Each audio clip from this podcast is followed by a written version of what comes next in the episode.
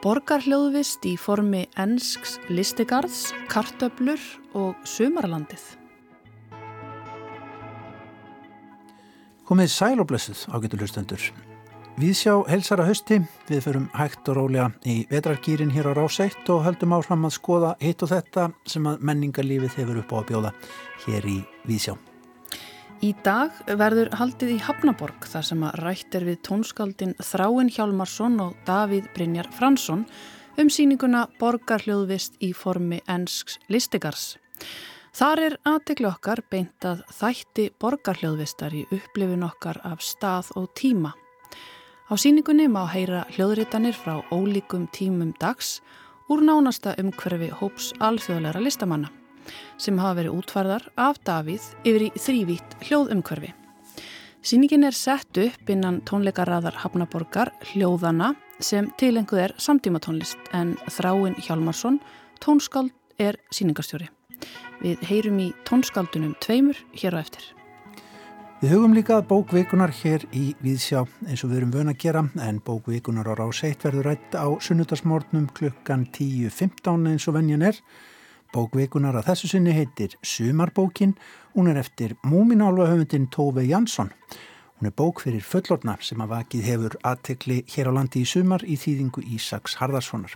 Við heyrum brot úr viðtali við Ísak sem að Jórun Sigurðardóttir átti við hann og við heyrum líka lestur úr bókinni í þætti dagsins. Já og leikúslífið er einni hægt og rólega að reyna að koma sér í ykkurar ákveðna skorður fyrir veturinn. Frettir bárust af snertingum og æfingum leikara á dögunum. Jú, það er vissulega frett í þessu ástandi sem varað hefur undanfarna mánuði. Við hugum í dag að sviðslistaverkinu Karteblur sem sviðslistahópurinn CGFC færi nú aftur á svið í borgarleikúsinu en verkið rannsakar þætti í sögu kartöfluræktunar á Íslandi og er hluti af verkefninu umbúðalöst sem borgarleikúsið stendur fyrir. Kartablur var tilnæmt til grímuverluna í fyrra en nú verður síningin frumsynd upp á nýtt á sunnudaginn. Þennan kartablu rannsakanda sviðslistahóp CGFC mynda þau Birnir Jón Sigursson, Hallveig Kristín Eiríksdóttir, Arnar Geir Gustafsson og Ír Jóhannesdóttir. Þau Arnar Geir og Ír heimsótt okkur til að ræða aðeins um verkið og lífið í leikusinu þessa dagana. Hér hljómar líka tónlistin úr síningunni eftir Haldur Eldjarn vera smá res Jú. Eða ekki? Ertu ekki, eitthvað niðri eftir æfingun á það? Var þetta erfið æfing? Við vorum í svona bardaga senu Já, vorum að gera kung fu atriði sko.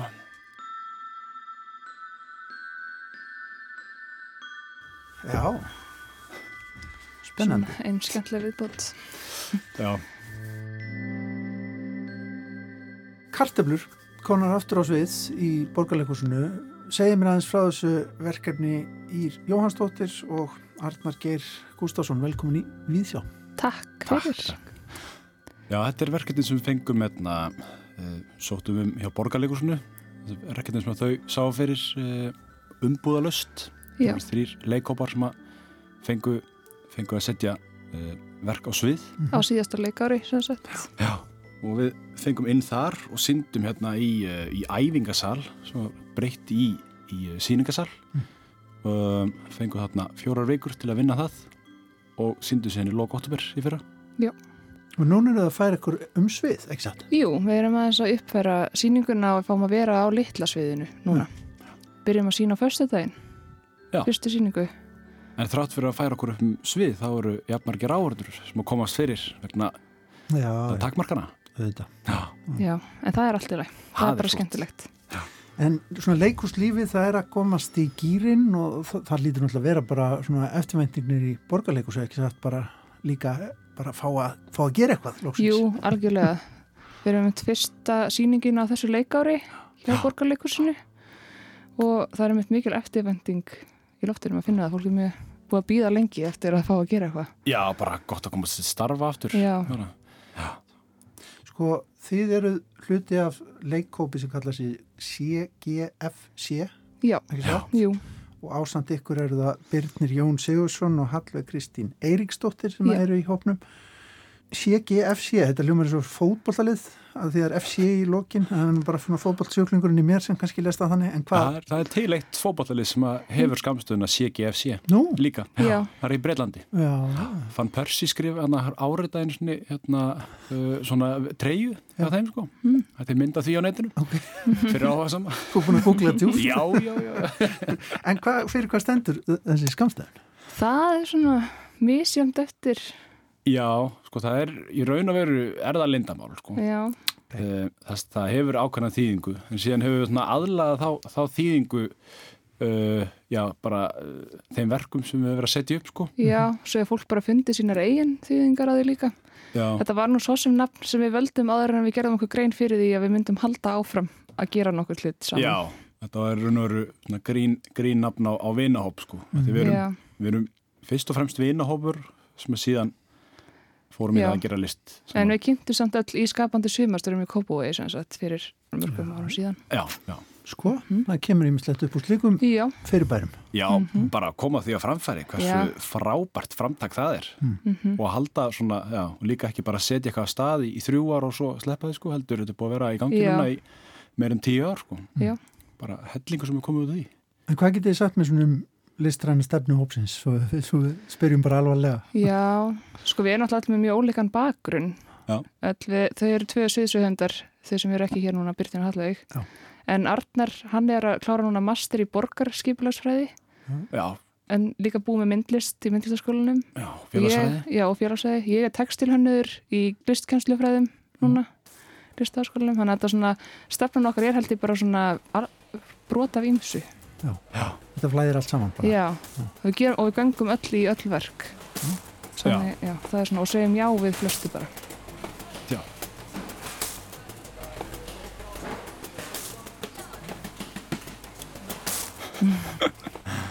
En tónlistin sem við heyrum mynd undir, það er Haldur Eldjátt sem að býr til hljóðmyndina í þetta verk. já, Og þá kannski, hann sendi mér mynd úr, úr svona sínum hljóðheimi áðan þar sá maður að hann var með einhvers konar slaves hljóðfæri sem var að hluta til snakkpókar og þá kannski snúum við okkur að því sem máli snýst um, karteblur. Uh, þetta er einhvers konar gönnun eða hvað óður til karteblunar eða hvað? Já, svona kartöflu rektunar svolítið. Eða svona rektendan á bakvið kartöflunar. Já. Og við skoðum sem sagt líka, við skoðum rektendandur eins og Helgu Gísladóttur sem að fann upp á helgunni. sem sérst fann, fann helguna þetta er stökk breytt afbreyði bara einar sinnum tegundar Já, svona svipuð til gulllega, hann er svona rauðurleitt með svona djúpa augu en með svona rauða röndum sem miðja innan í, ef maður skýra hann í það. já, rauð eins og Ólafs rauðar sko. En er sérstök. já, kannski, já, það var kannski svona, það er kannski svona uh, rauð þráður verksins það er svona saga hennar svona baráttu saga hennar hver var þessi kona, segjum, segjum við nánum frá henni? uh, Helga Gísladóttir fæðist uh, 1886 Já, emminir og Bjalla í Rangár Vallasýsli. Já. og hann hún sem sagt uh, hún er ekki, já, hún fær ekki góð spil í hendi Nei. uh, frá byrjun Nei. og uh, já, er ha- haldrar alla tíð og hún er fátæk hún er hérna, alltaf bara í ráðin í vinnu hérna, Já, sem ræðir sig hjá ríku fólki hann getur lesið sér til og gefni á námi. já, og fær þaðan sko áhuga á næringafræði og hérna já, Og svo kynnist hún Hjörleifi sem var nú ekki eitthvað hefnar en hún. Nei, því hann var, hann var blindur öðru auga og með tíu bró sjón á hinu Já. um, en þau hérna Þau Þau- kaupa sér jörð. sér jörð og af því var hana svona bara rétt, rétt ára að þúblabann kemdi sögunar sko Já, já. En, uh, en síðan náðu að, að já, náðu að koma sér upp sko Já, og hún heldur hann græmmetis skarð sem að var ekkit ekkit móðins á þeim tíma sko. Það var allir bara í kjötinu. Já, þetta er alltaf undan sinni samtíð sko með, með næringuna í, í græmitinu sko Já. Og þetta afbreyði karteblunar er, er sem sagt, bara í höfuð á henni. Já, já, Já, hún sem sagt, já, rektar það upp og svo er hann nefnt helga í höfuðið á henni sagt þegar hún er sett í úrvalsflokk já, á sínum tíma. já.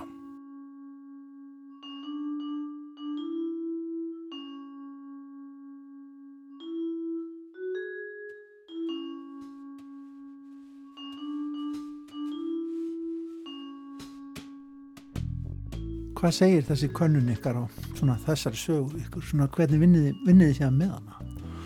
Við erum reyna að vinna mjög mikið með alls konar form í leikúsi. Já, mörg. Þetta er svona leið til að, þetta er mikið af fræðslu, Mm -hmm.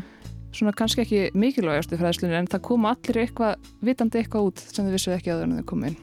Já, Og kannski speiklar þetta líka bara svona, já, daldið samtímar sko. Við erum já, að, uh, við hérna, uh, hún Hallveig, hún er líka listmálari, Já. málaði verk af, af henni Helgu og, og við ferðum í síðan landbúðarnaðar ráðurinn, matala á.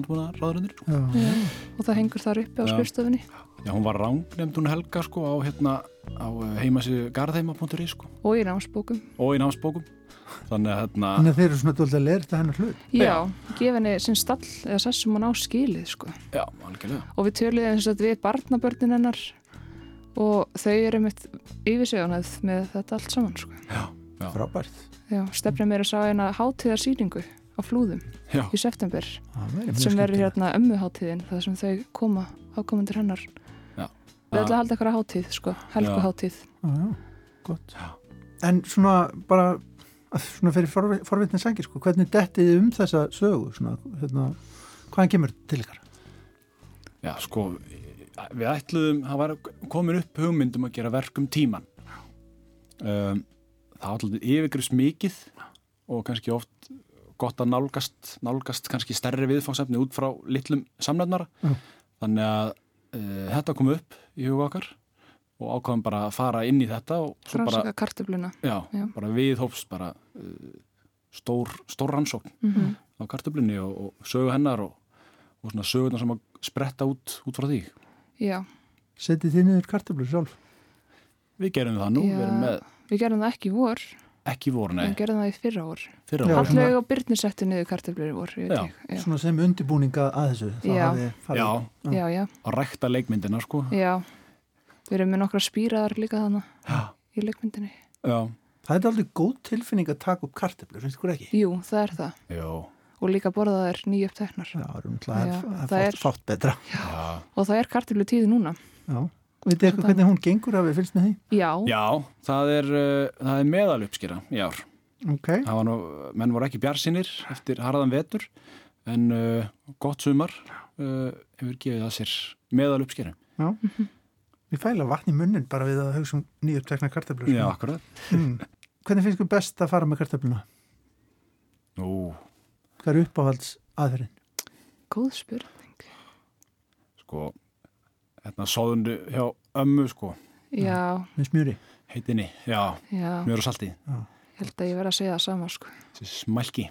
Það er svona, hræ- svona reynast. Já. já, Já.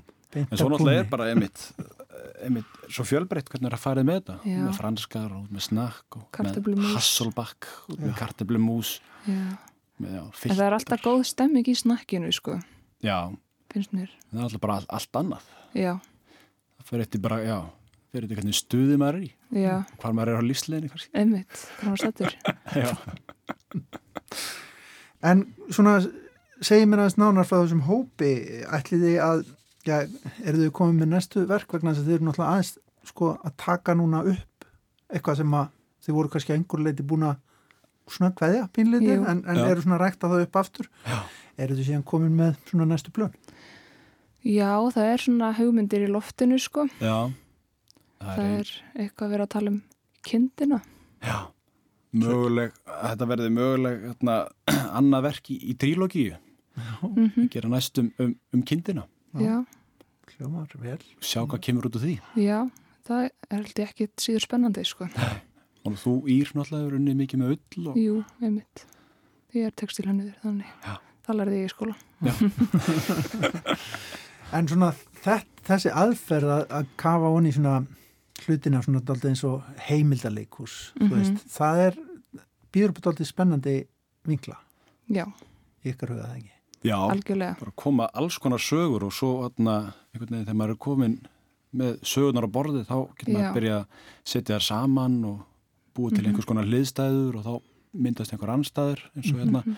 að taka upp kartöflur hérna með, með berum höndum í moldinni og, og svo kannski á móti einhvers konar snakkframleðsla eða, eða kartöflu bara svona yðinvæðingin sko mm -hmm. líka, fyrir um daldi í, í hana. Já, fyrir líka í frúðarsnakkið sko. Já, Já ég sá líka að það var einhverjur mikla pælingar er það ekki um, um sko uh, búður, beikonbúður. Jú, Já. það er komað hana fyrir. Það við leysum í rauninni þá... Ráðgátt? Já. það er, það er en við segjum hann og ekki hér, þið verður nú bara að mæta Nei, nei, Já, það er ekkert að vera í hann í nákvæmlega En það er hurfunubla markaði 2015 Já, en við vitum hvað var um þar Já. Spennandi. Ég var nú ekki sérstaklega hrifin að þeim hann að ég svo sem leita ekkit mjög lengi en, en það er kannski misjafs með ekkur fólks en Já. það er farið? En þið eru sem sagt í góðum gýr það er er kannski sérstætt að koma þess að aftur, er það ekki? Hvernig hérna, líður eitthvað með það? Já, sko, við höfum alveg gaggjart uh, breytt verkinu daldið, bara, sem heldur líka bara mjög mikilvægt fyrir Já. okkur fyrir að líka, hafa þetta ferst, sko. Við erum líka í nýjum sál, við notiðum eins og eiginleika æfingarsalsins, sko Já. sem er ekki bóði á rittasviðinu en í, á móti kemur erum við með betri ljós og ímestlega tækni sem var aldrei ekki gamla staðnum. Þannig að alltaf gott að hafa þetta þessi frumsýning verður algjör frumsýning sko, að mínum að því það er alltaf gott Já. að hafa hafa hann frumsýningar fyrring sko, við að gera eitthvað nýtt. Þeir eru svona komast sko af því að þetta verkefni sem þeir eru hlut af og heitir umbúða löst, það snýst aldrei um, jú er það ekki að, að hafa hlutinu mjög ráa í rauninni jú. bara mjög tómum, galtómum sal. Já. en þeir eru að fara svona í smá umbúðir núna, mætti segja. Uh, en hvernig svona er að hérna, þú veist að, að komin í borgarleikurs og svona, að hvernig tekið um móti ungu fólki þar til dæmis? Bara mjög vel, Já. sérstaklega fólkið í mötunitinu. Já. Þau með að hérna fá hróskilu. Já, algjörlega. Við unnum alltaf náið með þeim að því að, að mötunit er við hliðin á æfingarsalunum. Já, þau hafa kveikt líka á, á kartablubælingunum. Já, já, þau hjálpuði sko alveg með það. Hjálpum maður á tannum. En bara alveg ríkala góð umgjörð. Já, gott að koma. Líka fyrir okkur sem er ekki mikið í leikúsunum, það er alltaf spennandi. Já. Eitthvað bannað að fara svona bakvið. Mér starti gaman sko. Hljómandi gott. Við byrjum að helsa inn í CGFC hópin og, og hérna, bendum á karteblur í borgarleikusinu. Takk hjálpa fyrir komuna. Hýr Jóhannsdóttir og Arnar Geir Gustafsson Takk fyrir okkur. Sama og sama ráðni Sama og sama ráðni Sama og sama ráðni Sama og sama ráðni Sama og sama ráðni Sama og sama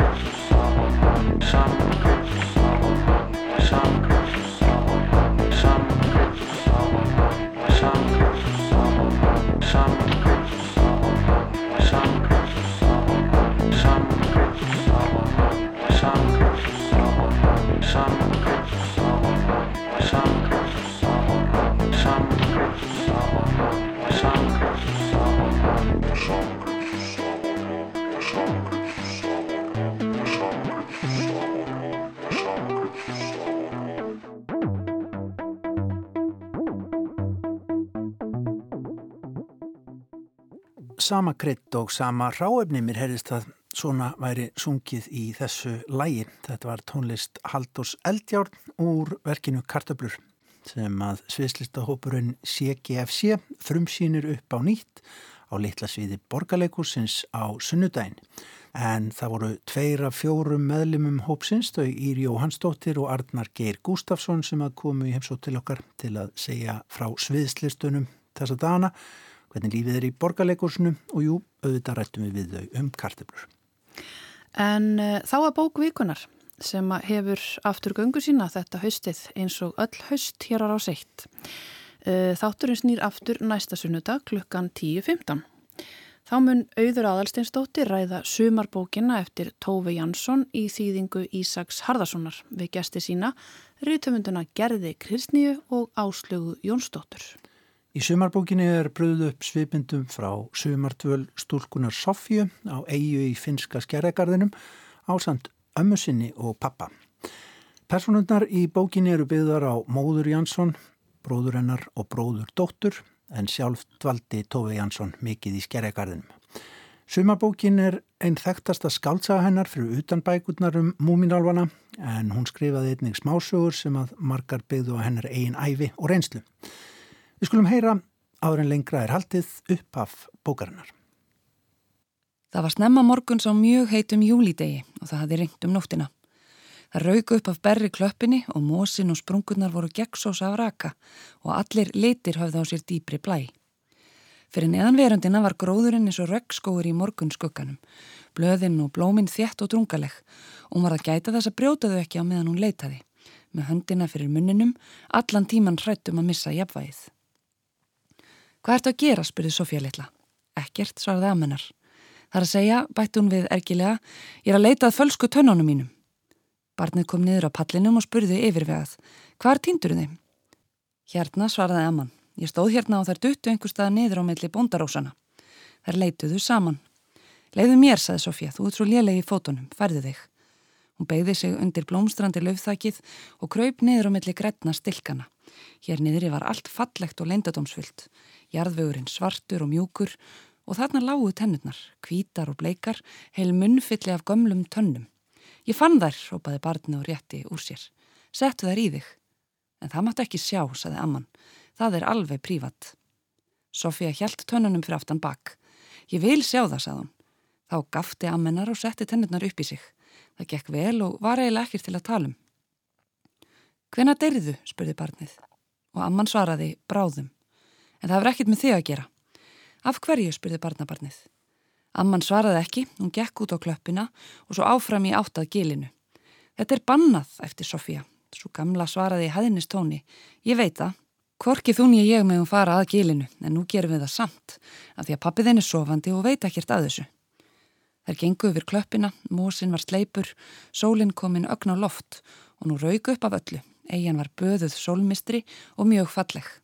Verður grafin hóla, spurði barnið vingjallega.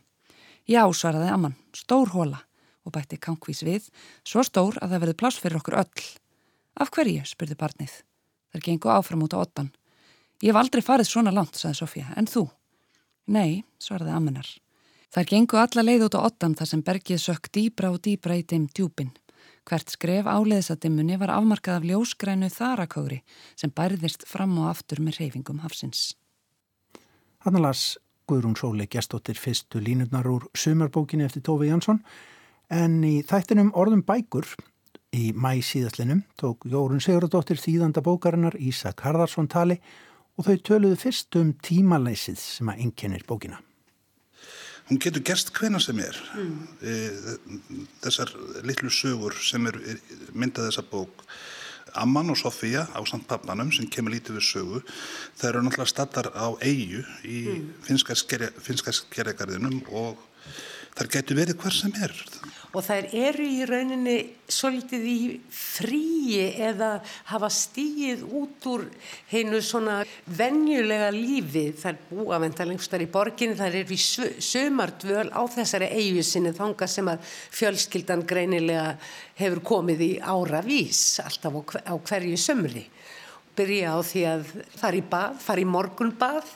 Fyrsti kaplin heitir held í morgunbað og svo endar það með því þegar það verður að ganga frá blómapottunum og, og setja hlera fyrir glukkana. Alveg rétt. Þetta byrjar svona snemmað voru, einhvern veginn, þótt að hérna það sé engin svona, það er ekki línulegur, uh, línuleg framvinda sko tímanlega í, í, í bókinni þannig lagað og svo hérna eru þær að búa sig undar að hvaðja eiguna að hausti og uh, ég veit það allavega um Tófi Jansson að uh, mikið hluta æfinar þá bjóð hún einmitt á eigu eða eigum í finska skerjagarðinum mætti þánga snemma á vorin og, mm. og fór sentað hösti og hérna en hefur líklega verið á meginlandinu hérna yfir veturinn sko. Það sem ég fannst líka svo aðtiklisvert við þessa bók og dásamlega fallegt fyrir utan eh, beinlinni sambandi millir ömmunar og stúlkunar það er þessi, uh, þessi ræktun sköpunar, ég vil segja, absins í þessari bók. Það er í rauninni tekið á öllu sem að upp kemur, hvort sem það eru spurningar um tilgang lífsins eða spurningar um uh, vináttu eða parti sem maður missir af eða, eða vesalingsskorkvikindin sem maður er, er stöðut að svifta lífi uh, óavitandi með því að slæma burt flugu eða, eða stinga í sundur ánamaðk. Það er alltaf tekist á við þessa, þessa hluti sérkvært mótlæti þá hefur amman það ráð það er að segja sögur, tekna myndir eða eitthvað þýjumlíkt. Sumarbókin, hún, hún lætur óskaplega, óskaplega lítið yfir sér en þetta er einhvern veginn bara bókum svona lífið og dauðan mm. og e, personurnar þarna, amman og ömmustelpan, hún Sofía Bókin fjallar aðalega um samskipti þeirra og, og samtöl og, og hvað þeir eru að bralla svona saman og þær eru þarna bara fulltrúi lífsins. Það, þarna mætist sko æskan og ellin, e, sakleysið og reynslan, frekjan í, hérna, í stelpunni og svona... Hún stappar stundum í gólfið og orgar bara. Vissulega og svo, og svo svona hérna yfirvegunin sem amman hefur reynd að temja sér yfir aðvina og, og sjáðu bara sko, það læti, læti svo lítið yfir sér en innihaldið er einhvern veginn svo djúft eins og bara, svo ég nefndi bara fyrsta kaplan, þannig að morgunbað.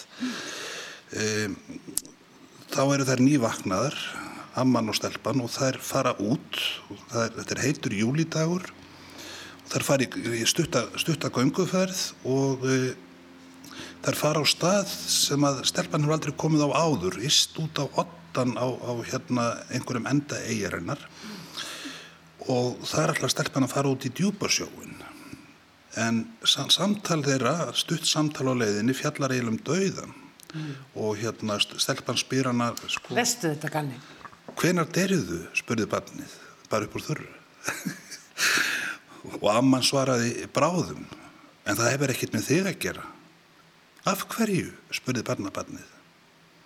Og svo gangaði þetta út á ottan, hvort þeirra í sínum þöngum sko, og stelpan er smeg við djúpasjóin, en amman er að hugsa um annan djúpan sjó sem býður hennar. En það kemur kannski ekki beint fram sko mm. í frásögninni, mm. en maður skinnir þetta. Og Bókin læti svo lítið yfir sér en Tói Jansson, hún er svo mikil snillingur, hún er svo hérna göldrótt. Hún kemur svo miklu fyrir einhvern veginn í, í litlu. Það er alveg ótrúlegt. Ég held ég er nú bara svona öskot stund til þess að gera að lesa þessa bók. Hún er ekki löngi blaðsíðum talið en ég var snögtum lengur að lesa hana heldur en ég held vegna þess að hún heldur mann einhvern veginn við hvert orð. Vastu lengi að þýðana þurftur að, svolítið að velta þessu fyrir því að finna tónin? Jú, veistu það, það komur á óvart. Þegar ég fekk handritið í hendurnar á sænskunni, mér fannst þetta svo stutt, ég hugsaði með mér að ég er það nú ekki lengi að þessu. En það var á hinnu veginn, sko, vegna þess að þetta er svo einfalt uh, og hvert orð einhvern veginn svo meitlað að ég þurfti virkilega að hæja á mér í huganum og veita hverju setningu mm. verðskuldaða aðtegli og sinnenni virkilega vel sko. Og amman er, hún er ekkert að hlýfa stelpunni eða gerir það, skulum við segja, mjög með sínum hætti? Nei, nei hún er ekkert að hlýfinni. Hún er mjög svona, hún er bara opinn og, og lætur stelpunna heyra það og þær tala saman um ólíklegustu hluti sko eins og til dæmis himnaríki og helvíti og, og hérna hvernig eh, það sé hægt að sjá það á englanum hvors kynst þeir séu fyrst, ef þeir eru allir í kyrlum og þá held ég að sé nú stelpann sem segir einfallega bara fljúa undir þá þá sér maður hvort þeir eru í buksum eða ekki. Þetta er mjög skemmtileg samtöl og hérna, mm. jújú, jú, vissulega eru þær svona ólíkar En hún skrökva líka stundum að henni stelpunni til þess að, að gera henni lífið ögn léttara Já, já, hún gerir það alveg á þess að, að, að ráðina. Já. Þú hefur, hvað mér syndist ég sjá, það var einhvern tíman bara á, kannski á tíund ára til síðustu aldar að þú þarf að senda frá þér eiginlega reglulega 2-3 þýðingar á ári hverju. Hvað kom til? Er þetta bröðstritt eða finnst þetta gaman? Mér finnst þetta virkilega gaman og mér finnst þetta svo gaman að þegar ég hérna, hef ekki þýtt bók í einhver tíma þá fer ég að finna fyrir einhvernum frákarsengjunum sko. ég er einhvern veginn háður þessu að vinna, vinna með texta og mér finnst bara að sjálfsögðu finnst mér vænstum að fá svona bitastæðat bækur sko en ég hef viljað þýtt hvað sem er mm. og hérna tel mér trúum að ég læri af öllum texta sko og mér finnst ég alltaf vera sko ég fæ nýjan text í hendurnar, nýja bók sem ég á þýða og þá finnst mér eins og textin sé einhvers svona líka mig og ég sé flík svona nýflík eða, eða það sé verið að prjóna mig og ég verð að laga mig að líka mannum einhvern veginn þannig að sko textin tekur alltaf svona mm. það er alltaf, ég segi ekki að takja mér völdin en ég verði einhvern veginn svona að lútónum á vissu leiti en að öðru leiti þá er þetta bara mm. skemmtileg, skemmtileg svona glíma sko. Þetta er samneiti og samvinna Já, þetta er það, þetta er það. ég get alveg týnt mér í þessu sko, þess, mm. þess vegna Ertu aðalega þýða úr sænsku eða norrlandamálum en hefur ekki líka þýtt úr ennsku? Jú, jú, sænsku, dönsku, ennsku og mér finnst, mér finnst skandinavísku máli miklu skemmtilega heldur en ennskan. Hún er einhvern veginn, um, þau eru miklu meira lifandi, þau eru náttúrutengdari, þau eru gagsari, mm -hmm. það er eitthvað svona líf inn í þeim en ennskan er miklu svona bara, hún er eins og uppfinning svona sem kemur sem kemur bara, hún er svona samkómulega bara millir manna, sem kemur endilega ekkit svona umhverfunu eða náttúrunu neitt við. Sko. Já, ég skil. Jórun Sigurdóttir rætti þarna við Ísak Harðarsson þýðanda um sumarbók Tófi Jansson og reyndar um þýðingar almennt. Viðtalið eru þætti Jórunar orðum bækur en sumarbókin er bókvikunar á ráseitt þessa vikuna. Klukkan 10.15 á sunnudagsmorgun mun auður aðalsteinsdóttir ræða bókina við rítöfunduna Gerði Kristníu og Áslögu Jónsdóttur. Já, en hér eftir stuttastund í Víðsjá ætlum við að huga að hljóðheimi og hljóðvist borga. Við ætlum að heyra fyrst bandariska tónlistamannin Súfjan Stevens syngja lag um eina borg sem að löngum hefur verið og þótt nokkuð ja, afskipt í bandarækjunum. Það er borgin Flint í Michigan ríki. Þetta lag heitir Flint for the Unemployed and Underpaid.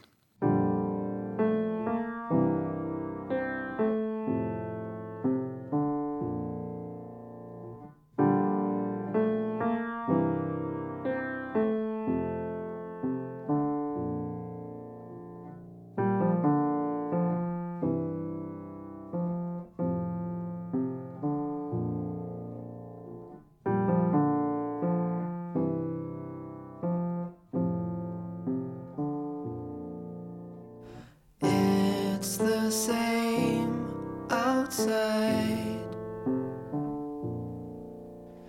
Driving to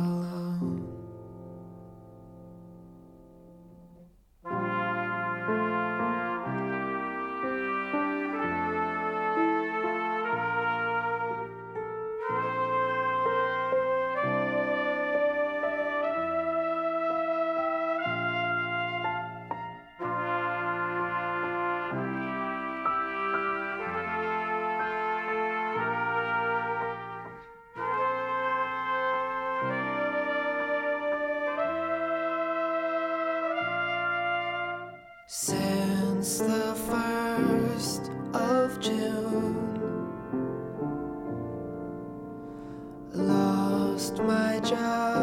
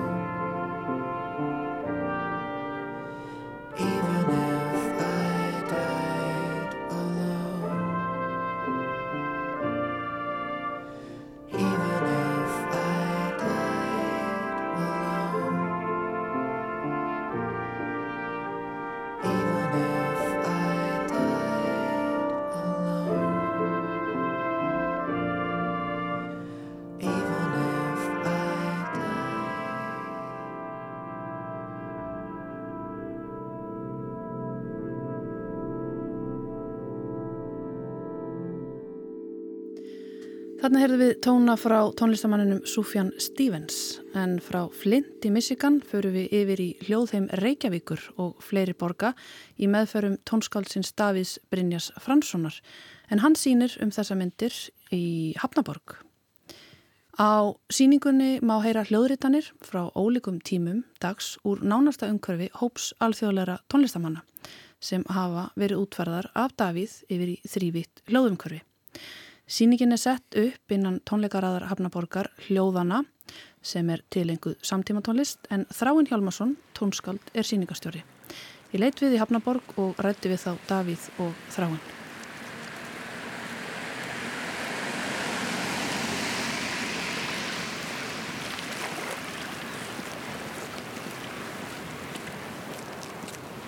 Ég er hérna umsönum að það er tónleikaraðar Hafnaborgar hljóðen sem er tilenguð samtíma tónlist og síst missiri höfum við verið alltaf að vika form ræðarinnar og í fyrra þá var hljóðin að síningu hérna í aðalsalum og, hérna, og í ár þá sáum við hérna tækifæri að akkurat að líka vika starfræðarinnar í þetta form, í form síningar sem Davíð hefur verið að þróa sístu síðustleginn þrjú ár okkur fannst alveg kjörið að halda áfram þessar svona uh, útvíkun á tónleikuröðinni að bjóða upp á þá viðbur sem er frá lok ágúst til lok óttobers og, og okkur sjá þetta bara sem þannig svona tónleika viðbur sem að breyði svona hressilega úr sér bæði í tíma og rúm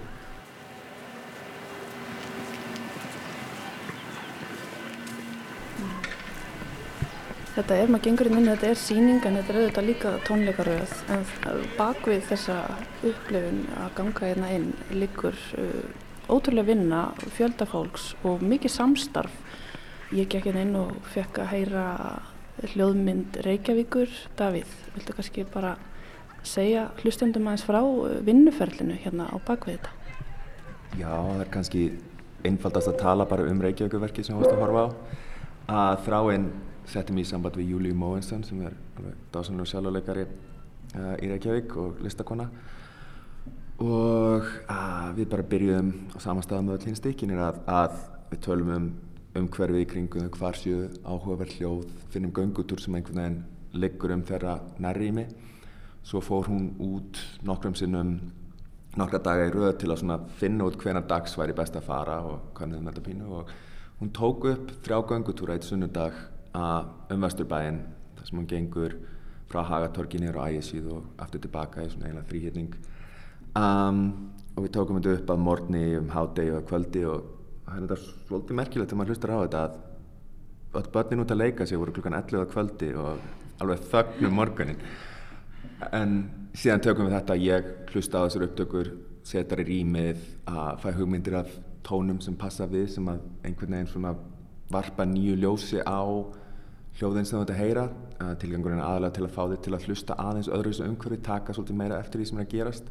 Svo tók Júlia þessi hljóð og, og vann aðeins með þau og saman þá settum við saman sem sagt í raun og veru á sögumannhátt hefðbundi tónverk sem situr hann ofan á um, þessi ekki 45 mínútur eða eitthvað svoleiðis uh, sem er hægt að hugsa um sem í raun og veru bara lag eða þannig. En uh, tilgangurinn er einlega ekki sáhættur að, að, að, að verður til tónlistarleg upplifun en þú getur gengið inn og út úr henni eins og er þóknast og skoða þannig frá að mismunandi sjónarhóttnum leikið er að lappi gegnum hljóðið það er hérna hljóðið er út um allt í rýminu. Og virkilega tekið tíma í að íhuga tengsla millir umhverfisins og síðan hennar upplifunar og svo minnar upplifunar sem er í gegnum hennar upplifun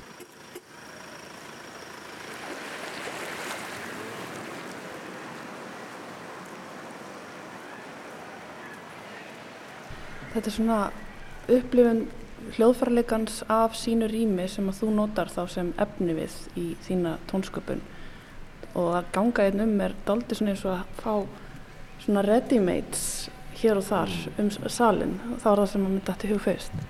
Já, en það er merkilega að þetta kemur alveg úr umhverfnu sjálfa að sem sagt þessi það, ég fór að taka þessi fyrsta stekinu að, að þegar ég var að vinna í þessu að það virkilega eru punktar sem hafa svo rosalega mikla vikt þegar maður hlustar á þá umfram það sem er að gerast annar staðar að það verður verða úr því alveg virkilegir staðir sem eru áhugaverðir að þó svo þetta sé raun og veru gangutur sem er stanslaus og maður er hlustað á þrjá að meðsmjöndi punktum í rýminu þá náttúrulega ert að heyra rýmið alltaf uh, í raun og veru miklu starra af því en þú tekur rosalega mikið eftir þessum punktum mm -hmm. og grunnhugmyndin að, að verkinu er þessi svona hugmyndum að, að finna út leið til þess að draga aðtiklina þín alltaf að einhverju og svo aftur frá því að næsta hlut svo að, svo að tíminn líði, þú getur notið þess að vera í þessum svona hljóðgarði eins og við lítum á þetta og fundið þín eigin leið þannig að þessir, já, þessir punktar fá vikt en þeir hafa meiri vikt en mitt kannski sem punktar sem að laða þig af þeim heldur en endilega hvað er að gerast í þeim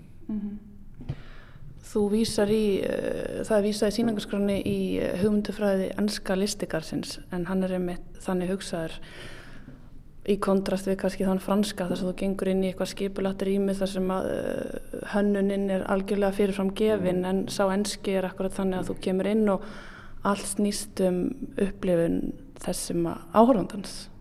Já, algjörlega. Þetta er, hérna, þetta er svona, já, í rauninni að vísa í þetta og gefur þetta alltaf upp í leikin sem er í gangi. Þú ert ekki þú varst ekki að einblýna á að hlusta á einhverja sögn í tíma jafnvel en þetta er akkurat að geta notið augnablikuna og bara að reyna að fylgjast með hvað er, hvað kemur og hvað verður og, og dvelja og svona upplifa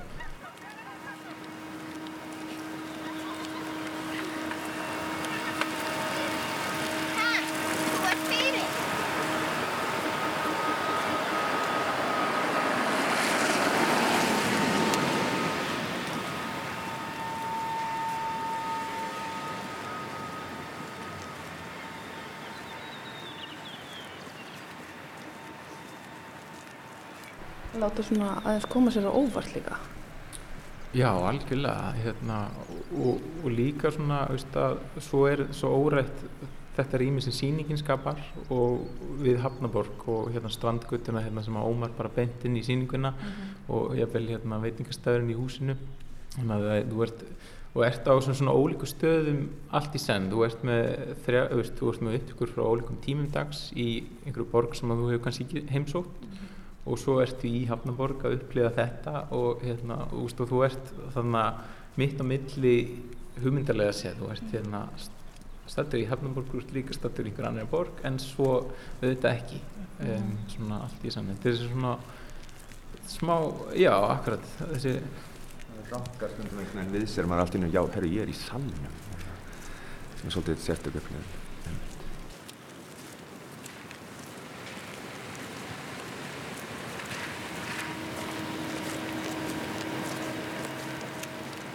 svo er þetta auðvitað ennstæðarverk, þetta eru margar borgir og samstarf við eh, fjölda listamanna. Já og þetta er búið að vera hérna í statlangan tíma, það eru Los Angeles með Matt Barbier sem er spilar á básunu, uh, Russell Greenberg sem er slæfisleikari í New York og svo við Höllusteninni Stefansdóttur sem er í Malmö ofanlega við, við Júliu og öll hafa rosalega mismöndi nálgun um, á umhverfið í kringum sig og síðan líka merkjuldegin að sumum fannst betra að taka upp um miðjan dag, sumum fannst betra að taka upp á kvöldi þannig að það er svona munur á því persónuleika munur þeirra er að koma svolítið út í upptökunum og líka hvernig þau síðan spila og Hallasteinum verður einmitt á staðnum núna setna í september og júli aftur í lóksýningar en þegar Russell og Matt eru fastir náttúrulega út af auðvitað ástæðum í útlandum en þeir munu spila inn í síninguna að utan mm -hmm. sem er enn annað legar er af, af tímarugli að ég held að matt fyrir að byrja eitthvað um sjöða mótni vakna snemma. Um, já en það, það kemur út eins og þau væri í rýminu. Það er, mm. það er ekki neins, þetta er ekki svona vídeo eða neitt, neitt slíkt, þetta er bara hreinlega að þú gengur inn í rýmið og finnur nærverðu þeirra í raun og veru í gegnum hvernig hljóð þeirra er að lita uh, umhverju sljóðan þegar þú hlusta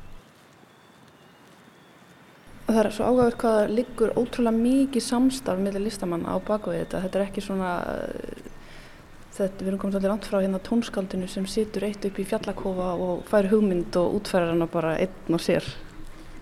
Já, heldur betur. Já, þetta er svona, akkurat, þegar hann einhvern veginn fyrir í þetta svona samstarfi alltaf akkurat að reyna að draga fram karakterina og, og, og, hérna, og nýta sér það, svona einhverja sögt, það er náttúrulega, þetta er samstarf sem að er skapandi á báða vegu og, hérna, og þetta er, útkoman er alltaf mjög veist, skemmtilega en, en auðvitað er Davíð með rosalega eða, svona stert höfundur enginni þannig að það er stundum mjög ábyrgandi en, en, það er þetta veist, þau eru hérna í ferlinu og þeirra fagfræði og, og hljóð, veist, hljóðfæra leikur eiga hérna rödd í þessu stykki sömulegis borginnar þannig að þetta er, þetta er svona fjölrata síning einhvern veginn sko, að, hérna, En uh, fyrst að hún nefndir þetta sterka höfundarenginni Davís, segð okkur aðeins frá því.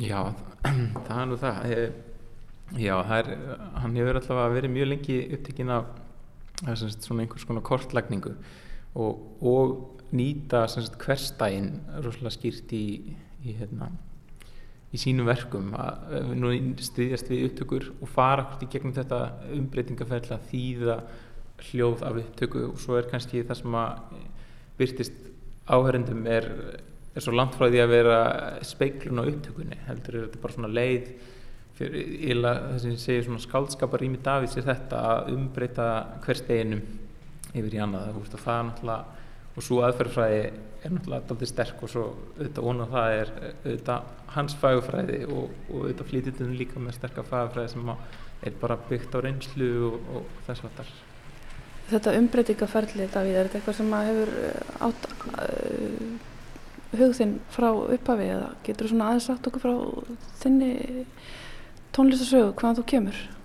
Það er góð spurning hvort þetta sé frá upphafi en þetta er búið að liggja í mér í, í slatta tíma núna svona eftir nám þá fór maður að spá í kannski að mitt svolítið mikið hvað hver tilgangur er að búa til tónlist og hvað maður vil gera og ég fór að átta mig á því að mér leið oft rosalega vel og rosalega illa í minn eigin svona umhverfis hljóðvist og fannst gaman að fara að kanna það og fyrst var þetta bara svona forvitni og, en, en með tímanum þá er mitt jógst hversu djúft þetta fer yfir í uh, þessi persónulega nálgun við hljóðfærleikarana uh, eða við eitthvað rými.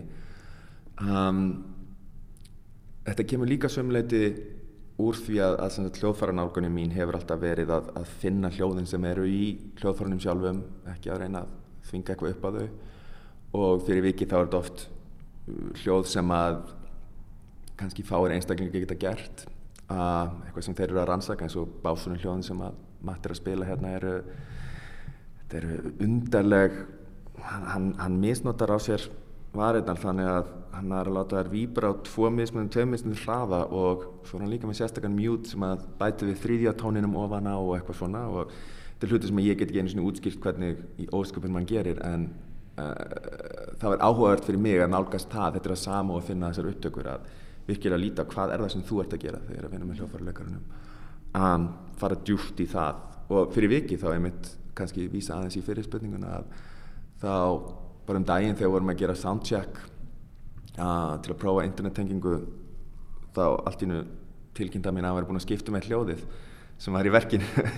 Og bara þegar hann virkaði betur uh, var búin að finna út síðan fyrir tveimur árum þegar hann var að vinna í hans stykki þá var hann búin að finna út sem sagt betra hljóð til að ná út. Og, og hann er mitt er gott aðeins með þetta, hann er í svona tilruna mennsku þar sem að þó sem að uh, leikjaðal á básinu það er mjög óljóst í raun og oft hvaða hvað hljóðfærið er og uh, tónsmíðanálgunin er pínu þessi sama, það er pínu óljóst hvar tónverkið er að sem sagt, ég býti skor, ég hef einhverja voðalega sterkar skoðanir á hvernig það á að vera en síðan ræður flytjandina mjög miklu um það hvað, hvað því kennst í gegn og hvað ekki. Mm -hmm. uh, ég hef ekkert sérstaklega áhuga á því lengur að skrifa verk sem að ég veit hvernig eru þegar ég skila þeim að mér. Það er ekki það er engin tilgangu fyrir mig því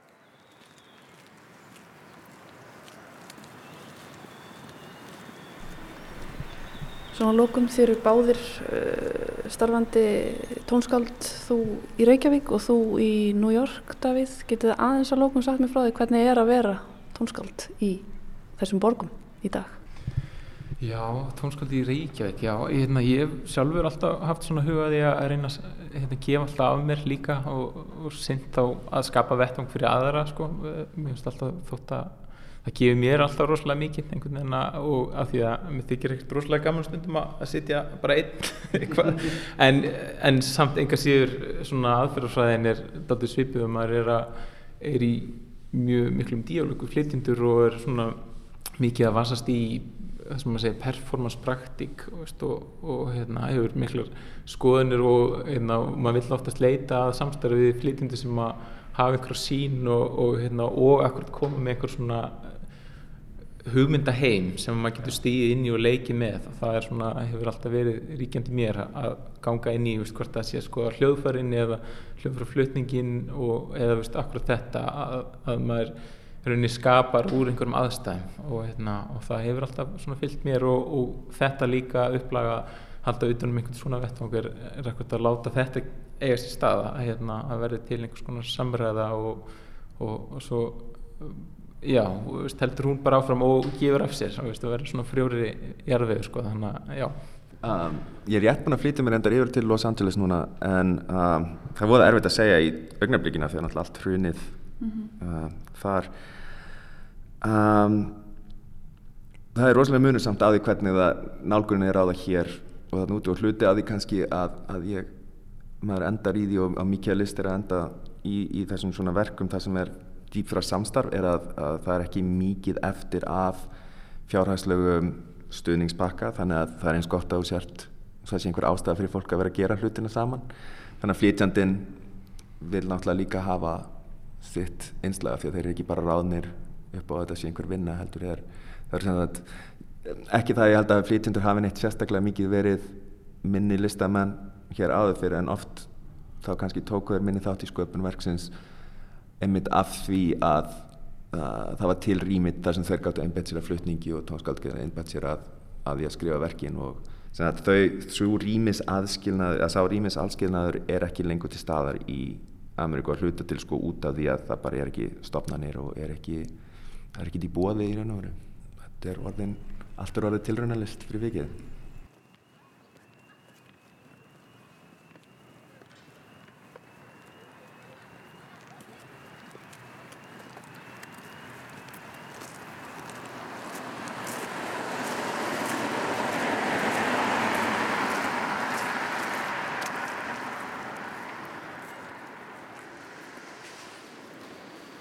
Já, þarna lukum við á því að fara í Hafnafjörðin Halla. Já, og heyrðum þarna hljóðvist Reykjavíkur í meðförum Davís. Já. Skemtilegt. Þetta er hljóma mjög spennandi. Mm -hmm.